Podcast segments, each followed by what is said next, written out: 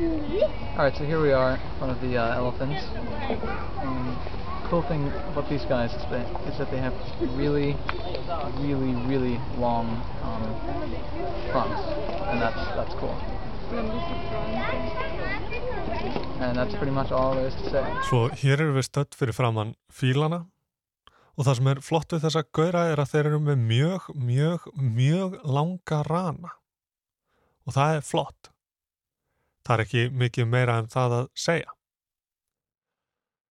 Já, hér heyrðum við í Javed Karim, einum af stopnendum YouTube, þar sem hann stendur fyrir framann fílana í San Diego dýragarðinu. Þetta er fyrsta myndbandið sem hlaði var upp á YouTube þann 24. april 2005. Það er ekki mikið meira en það að segja, segir Javed, og myndbandin á rásinni hans urðu ekki fleiri.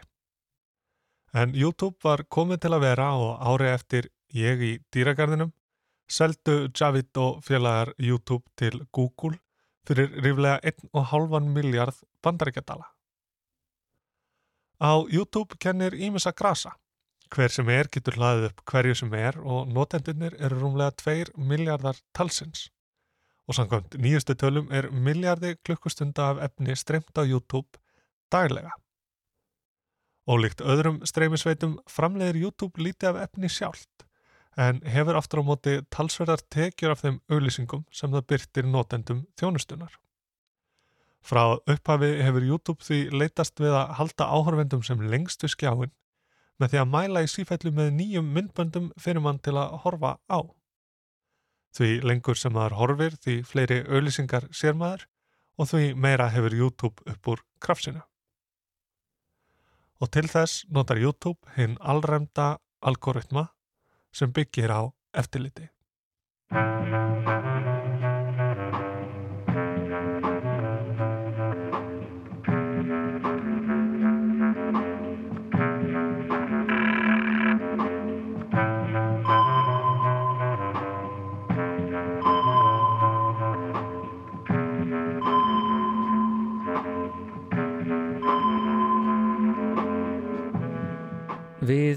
Tómas og Snorri.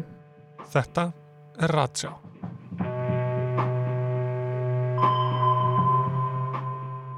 Í þessum þáttum sendum við merki út í veröld vísinda og tækni og segjum frá því sem berst tilbaka. Og í þessari sériu beinum við Ratsjáni að nokkuð umdeildu fyrirbæri eftirliti.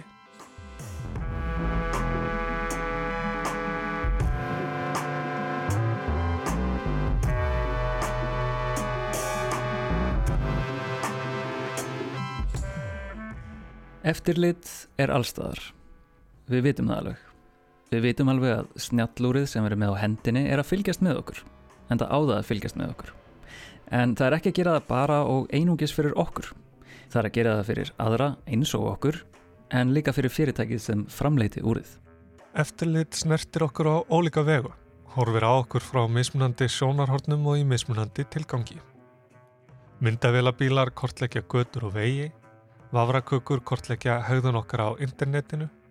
Örtölfur með GSM-sendum passa upp á hittasteg livja, bóluefna og matvæla og flókin tæki og tól koma upp um líðan okkar og nema ósjálfráð og ómeðvetuð viðbröð okkar.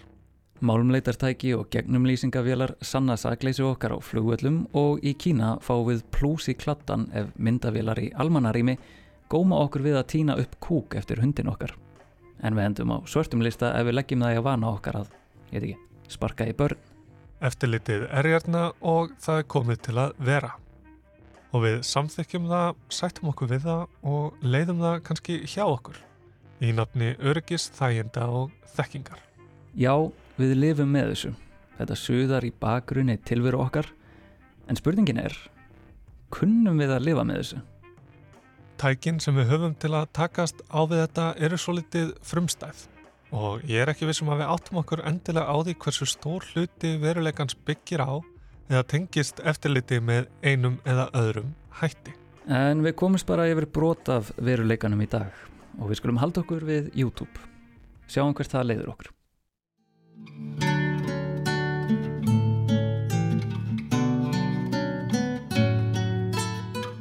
Ég sæði í fyrsta þætti að internetið hafi verið heimst. Það var heimst því það gerði ekki greinamun á notendum og leitt eins út fyrir öllum. Þegar YouTube kom fram var það líka heimst. Mælti með sömu myndböndum fyrir alla. Forsíðan var þannig bara topplisti yfir þau myndbönd sem flestir höfðu smelt á. En content creators, þeir sem búa til myndböndin, betur þetta gengur ekki. Content creator, Tómas, hvernig þýðu við það? Uh, Dagskrá framleiðendur Nei, þetta er ekki línulegri. Hvað með efnisframleiðendur þá? Það hljómar eins og starfsmenn í einhverjum efnavesmiðum. Efnisskaparar? Já, hefur, það er mjög guðlegt. Ef við ekki að taka það bara alla leið og segja skaparar. Hljóma vel Yes, sir. Skapararnir, þeir sem búa til myndböndin sem finna má á YouTube, komast upp á lægið og leku á kerfið með smellubeitum og villandi titlum. Fengu fólk til að smetla á myndbönd sem stóðu svo alls ekkit undir væntingum. Upplifun notenda súrnaði.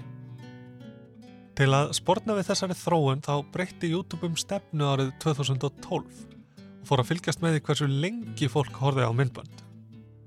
Þeim myndböndum sem heldu aðtikli áhörvenda lengur var því hampað meira og í bloggposti beindi YouTube þeim skilabúðum til skapara sinna að reyna ekki að leika á kerfið, heldur búa til myndbönd sem fólk vil horfa á.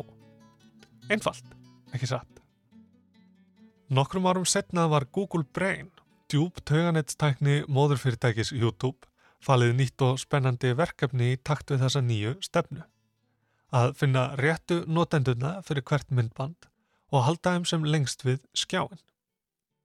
Til að finna réttu reiknireglunar þurfti að skilgrina réttar breytur og taka saman.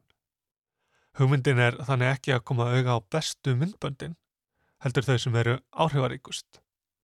Og því tekur algoritmi YouTube tillit til þátt að eins og smetla og áhorstíma á myndbönd, læka og deilinga, hversu ný myndböndin eru og hver hratt vinsaldir þeirra vaksa en einni hversu lengi fólk heldur áfram á YouTube eftir áhorfið. Og svo má auðvitað mæla notendur líka, smætta niður í tölur og gögn sem matam á gerfigreindina með og fá út sem bestan algoritma. Svona erum við líka kortlögð. Hverju hefuru áhuga á? Hvað vekur aðtegliðina? Hvað ertu búin að horfa lengi? Hversu oft hefur tiltekið myndband skotuð upp kollinum hjá þér? Og hvað horfir þú alls ekki á. Gerfegreindin sýnir þér ekki bara myndbönd sem eru almennt vinsæl, heldur myndbönd sem eru vinsælt hjá fólki sem hún setur í sama flokk og þú. Fólki á söpum aldri, á söpum stað, fólki með sömu áhugamál, skoðanir og hegðun. Upplýsingar um allt þetta eru skráðar hjá YouTube, hjá Google og hvar sem þú stýgur niður fæti á netinu verða til gögn sem gefa YouTube nokkuð góða mynd af þér og hvað er líklegt til að halda aðteglið þinni sem lengst. Og eftir því sem maður horfir meira þá skerpist þessi mynd og algoritmin verður nákvæmari.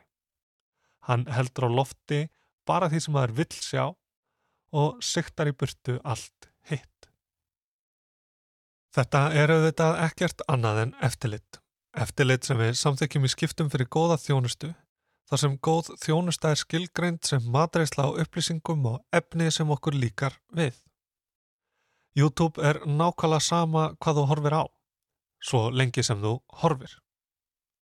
Ef þeir finnst gaman að sjá fólk elda sveittan mat, sínir YouTube þér fólk að elda sveittan mat. Ekkert mál, gjör þið svo vel. Og ef þú hefur áhuga á samsæriskenningum eða öfgafullri hattursorðræðu, Þá sínir YouTube þér fólk að spúa út úr sér samsæðiskenningum og öfgafellri hattursorðræðu. Ekkert mál. Verðið er aði. Og þekkjum gríðarlega margar frásagnir af því. Fólk fellur ofan í svona kaninuhólur eins og það er kallað sko á, á internetinu.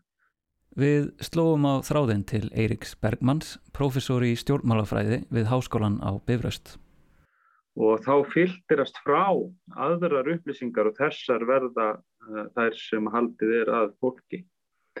Þannig að, að þess vegna líka eru við núna, stöndum við frammi fyrir því að öfugt við 20. stölduna þar sem að flest fólk fekk nokkur neginn svona samskonar upplýsingar á Vesturlöndum um, uh, svona upplýsingar um, um svipuð málefni og að það væri kannski matrætt á mismundi hátti, mismundi dagblöðum og svo framvegis að þá er þetta svona upplýsingar að svipuðum toga og, og oftast ekki mikið deilt um hvað væri staðreindir og hvað væri hérna, viðhorfið afstæða en þá sjáum við núna að uh, sko, það er miklu tættara umhverfið hvað þetta varðar. uh, við fáum ekki öll sömu upplýsingarnar og jafnvel getur fólk sem að lifir í sama rými uh, farið í gegnum dagana á þess að sjá nokkuð tíman sömu fréttirnar eða ekki einu sinni sko sömu fréttir heldur sko fréttir af sama atbyrði. Veruleikin sjálfur síjast í gegnum algoritman sem þegar allt kemur til alls byggist á viðtæku eftirliti með haugðun okkar á netinu. Kanínuhólur og bergmálsklefar eru óvænt afleðing þess að með hverjum smelli og hverju áhorfi greiðu við nokkus konar atkvæði með því sem við skoðum og atkvæði gegn öllu öðru segjumst óbeint ekki vilja sjá það og það er samvinskulega skráði í gagnagrunnana sem varða að leiða okkar um ránkala internetsins. Þú hverfur ofan í rör og heyrir í rauninni bara í um, svona þeim sem að er uh, sjálfum þér líkir í skoðunum og atverðli og þannig vinsast frá svona fjölbreytari hljómur veraldarinnar heldur en að annars hefði, hefði verið. Og um, maðurinn er nú sko hann er gerður að við leitum sko gætan staðfestinga og okkar eigin skoðunum afstöðu, rekar heldur en að við tökum sko tillit til um, upplýsinga sem að ganga gegn okkar eigin afstöðu um þessa tilneyingu og það er þekkt. Og um, sko bergmálsellirinn þetta magnar upp þá tilneyingu að við séum stöðu bara að hlusta en, á endanum bara okkur sjálf.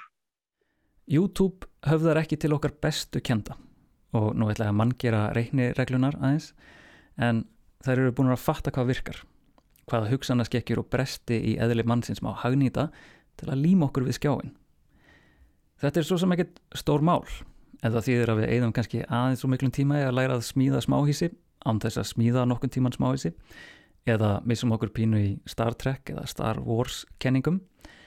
En þegar fréttaflutningur og stjórnmála umræða fyrir að stórum hluta fram á svona bergmálsmiðlum sem sér sníða hvað þú serð eftir því hvað er vita um þig þá er voðin vís Já, auðmyggja Edgar Wells hann er einhver maður, Norður Karolínu. Hann fyrir að sjá á félagsmiðlum Twitter aðalega fréttir af því að uh, í Washington DC sé pizzastaður Ping Pong Comet Pizza þar sem að, að uh, bör, börn eru haldinn nauðug uh, í barnanýðingsring sem að stjórnað er af annars vegar Hillary Clinton og félögum í kringum hana og hins vegar bara demokrataflokknum sem, eh, sem apparati. Nú honum reynur þetta til, til revja og uh, maður getur vel skilið það, reyði hans yfir uh, þessu nýðingsverki sem hann er framið á þessum börnum. En hann tekur málunni í sínar hendur, það sem auðvöld virðast ekki alltaf að gera það, sangvað þessum fréttum, og keirir með riffilinn sinn á pallbílnu sínum uh, til Washington og ræðst inn á pizzastæðin og byrjar að skjóta af rifflinum. En smám saman rennur upp fyrir honum að það er engin börn þarna haldið nauðu, þetta er bara pizzastæðis og hann er auðvitað handtekinn og þegar hann er spurður út í þetta þá þá segir hann, já, kannski hafi nú upplýsingarnar sem hann hafi fengið á netinu ekki verið alveg réttar. Og hvað var þarna á ferðinni? Jú, það hafði einhver haft fyrir því að búa til frétt um þetta, eins og ótrúlega hún nú er, þá fær hún tölverða dreifingu vegna þess að þetta er náttúrulega svakalegt ef að satt reyndist. Og uh, það deilingarnar bara á einhverju fára vikna tímabili á þessari frétt sko skipti miljón á Twitter. En málið hins vegar fór aldrei almennilega inn í meginströmsfréttir en það er það bara ofáránlegt til þess að, að sko almennir uh, fjölmiðlar uh, uh, sko tækjuð upp. En þetta er svona doldið gott dæmi vegna þess að það er svo fáránlegt og öfgafullt en samt nærða þessari rosalegu dreifingu þannig að við sjáum að sko bara upp trúverðu verið fréttir heldur en þetta, eitthvað sem gæti mögulega hugsast. Eh, það fær ennþá meiri dreifingu heldur en svona og hefur ennþá meiri áhrif heldur en bara á, á Edgar Greiðu Dans. Um, og síðan er það sem gerist og er kannski sko áhugaverðast í þessu öllu saman eða það ver, er að sko verða breyting á almennum miðlanu líka. Þau fara að ganga í lið með uh, fölsku upplýsingunum á félagsmiðlunum með því að taka upp hérna fölsku frétt og, hérna fölsku upplýsingar og segja af því frétt. Þá eru sagðar fréttir af því á almanna miðlum að menn séu að tala um eitthvað tiltekkið á, á netinu, hvort svo sem það er nú satt eða ekki og það fyrir síðan í endur nýja dreifingu á félagsmiðlunum og magnast út um allt. Þess að félagsmiðlan er einmil og sér. Þeir hafa bara ákveðið sko afl í að dreifa upplýsingum.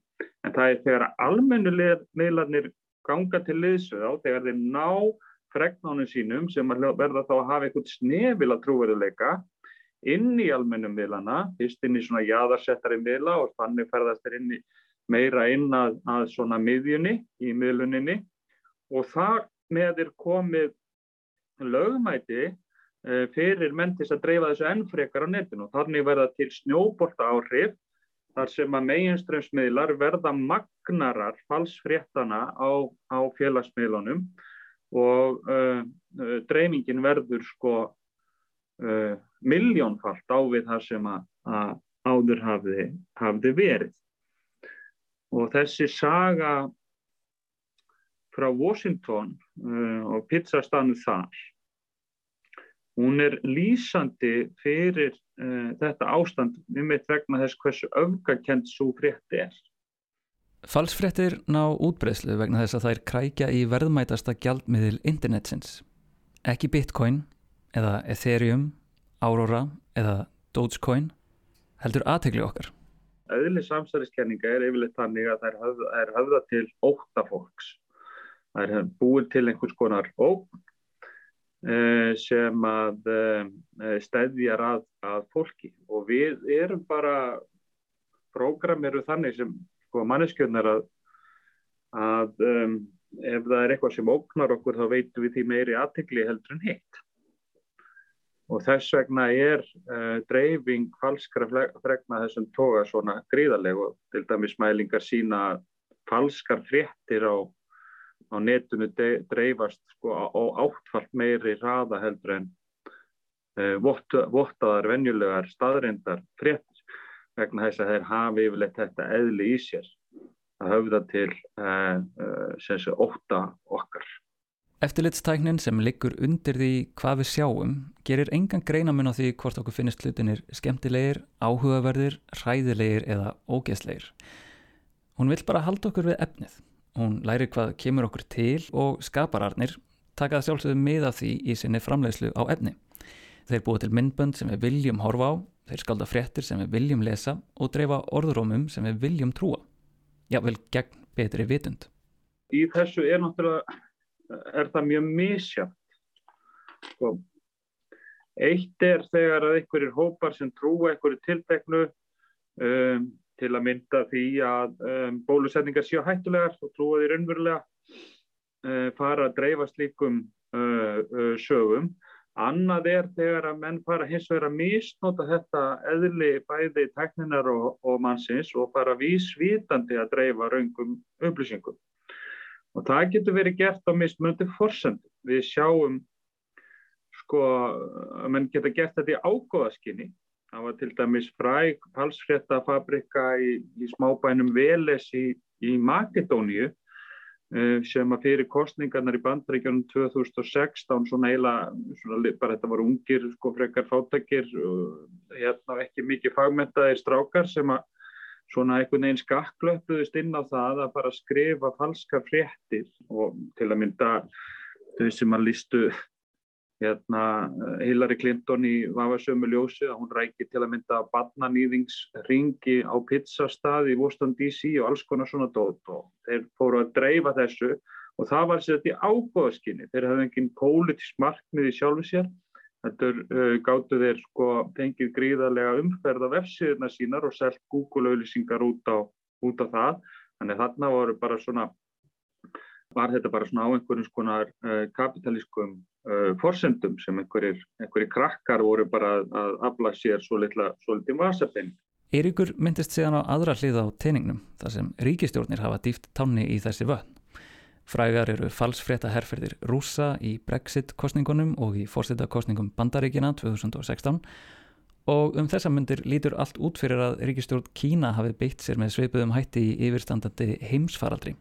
Samkvæmt grein Freedom House rítskoðaði ríkið fréttir, falsaði skjöl og drefði misvísandi upplýsingum um faraldurinn. Eftirlitið kortleikur okkur. Þýðir okkur og gjörðir okkar yfir í gögn. Þessi gögn eru nótið til að byrta okkur upplýsingar og efni sem á að höfða til okkar. Einn lítil kaninuhóla getur opnað dyrtnar að nýju og spennandi áhugamáli og áður en við vitum af eru komin í félagarsamtök smáhísa eiganda á Íslandi og komin í business á Airbnb En eitt feilspor, smá ótti, leiður okkur inn á pizzastað með riffil þar sem við stöndum gjörsamlega ringluð og áttavilt að reyna að bjarga börnum sem er ekki til.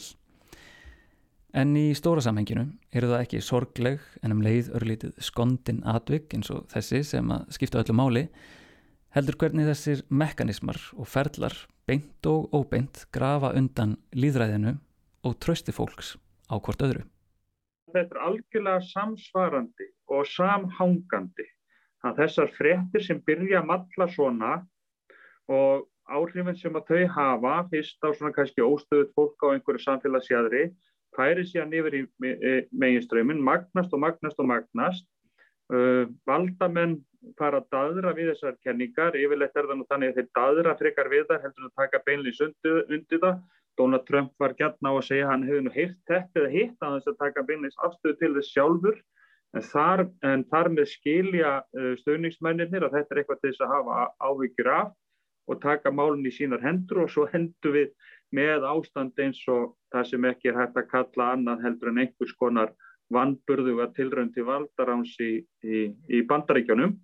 Já, jábel þó svo að það hafi verið algjörlega mislukað og ekki vel skipulagt og þá er ekki þetta að lýsa þessu minna einu öðrum orðum heldur en það hafi verið tilrönd til þess að kollvarpa Eh, eh, eða allavega að koma í veg fyrir að réttkjörin stjórnskjöld gætu tekið við völdum og það heitur þetta bara mannamáli valdara.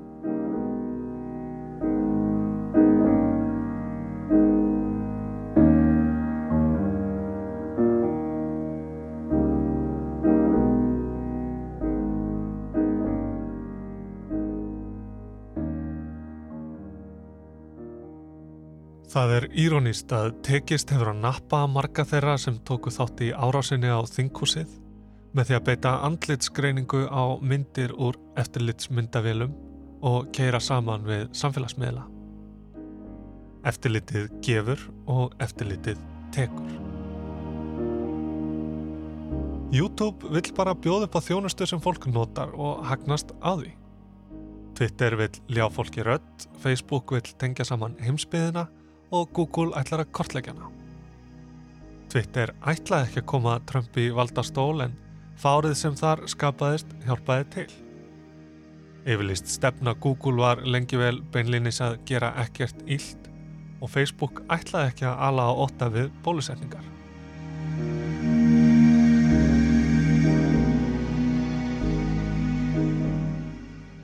En eins og stýrifræðingurinn Stafford Beer saði þá er tilgangur kerfis það sem það gerir. Og þetta er það sem algoritmatnir og eftirlitið gera. Það auðveldar okkur lífið, tryggir örgi okkar, veitur okkur insýn inn í áður óþægt svið veruleikans. En það gerur okkur líka hrætt, elur á óttanum, miskilur okkur og rugglar í okkur. Eftirlitið nær ekki utanum það að Við erum heilar og floknar manneskjur og við náum eiginlega ekki utanum eftirlitið heldur. Við þurfum að passa okkur. Þegar vefsíða spyr okkur hvort hún megi hlaða vafrakökum inn á tölvun okkar, þurfum við að hugsa okkur tvísvarum. Eru upplýsingarnar eða þjónustan þess virði að alls konar aðilarum allan heim fái aðgang að því hver ég er og hvað ég geri? En fyrir mörg þurfum við að spyrja okkur, er einhver leið að skoða síðuna án þess að samþykja kukur? Því það er ekki alltaf augljóst og það getur tekið smá tíma að finna út úr því, en oft þarf ekki að samþykja eitt nýja neitt eftirlit til þess að sækja upplýsingar á vefsíðu. Þegar kemur að gagnasöfnun sem skiknist undir huttið eða skinnið þarf maður að spá í hvað skuli gera við upplýsingarnar. Hver er það sem tekur ákverðin? Er ég sá sem stýrir eða sá sem stjórnast? Tristi ég tækinu fremur en sjálfu mér? Tristi ég vélinni frekar en þér? Þegar við stundum við skipti með friðhelgi engalífsins annars vegar og öryggi hins vegar hvort sem það er á flugvöllum eða við skráningu okkar inn í samfélags einingakerfi ríkisins, þá þurfum við að vera á varðbergi. Hver er dýllin í raun og veru? Er þetta sangjant? Er þetta nöðsynlegt? Stendur hinn aðalinn við sinn hluta samningsins og virkar þetta yfir höfuð? Þegar kemur að misvisandi upplýsingum og falsfrettum, skulum við gefa Eiriki Bergmann orðið. Það sem að þarf að gera, og þetta er auðvitað sko erfiða svarið því að tekst ekkit á við málinn akkurat sko í, þú veist, hér og nú. En það sem að þarf að gerast er að í samfélaginu verði bara þróað almennilegt svona líðræði slæsi sem að sé kent bara frá grunnskóla og upp úr. Það sem að fólki er kent að umgangast upplýsingar og uh, taka ekki öllu sem það sér sem, sem nýju neti og við erum smá saman átt okkur á því og að hver og einn þurfi að sko staðreina þær upplýsingar sem að hann uh, er sko sem að verða á, á, á veigjans. Já, við vorum auðvitað að koma út úr ástandið þar sem að fjölma, uh, fjölmilar og aðri hliðverðir sko höfðu unni þessa vinnu fyrir fólkið. En nú þurfum við bara að gera þetta sjálf.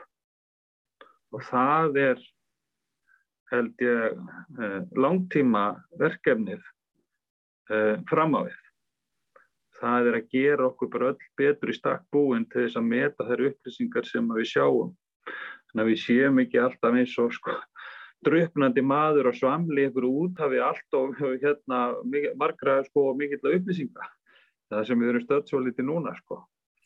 heldur að við höfum þá einhverjar sko, bát og árar og hérna, björgunavesti til þess að bjarga okkur í gegnum flóði sko. því að við mingum ekki flóð það held ég að sé vonlust það er ekki að setja reglur eða bóð og bönn eða eitthvað slíkt á dreifinguna, það er útiloka ég held að það, það allar svoleiðis aðgerðir dæmdar til að mistækast Eh, allavegna þær sem að koma svona frá einhverju þeist í gegnum lög og, og regluggerðir hins ombera, það held ég að gangi ekki. En við þurfum að læra umgangast þetta, þetta sjálf og það þarf að byrja bara leið og, og, og sko bara heima fyrir hjá fólki og svo í skólakjörun Já, þegar við stöndum fram við fyrir misvísandi upplýsingum og falsfrettum þurfum við að efast meira og óttast minna það er að segja vera skynsum. En skynsemi og gaggrinnin hugsun er flókin yðja sem er ekki auðveltað tilenga sér og hún krefst sífældrar ástundunar. Það er ekki einfalt en í upplýsingalandslægi og eftirlits samfélagi nútímans verðum við að reyna.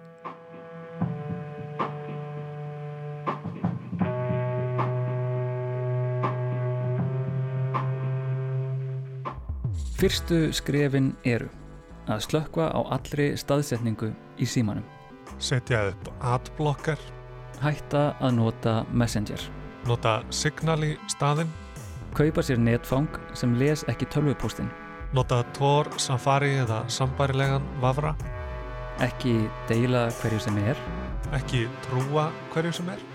Og henda Alexu í rustlið. Svo getum við farið að setja spurningamerki við örgismyndaði. Andlitsgreiningu. Örgisleikum.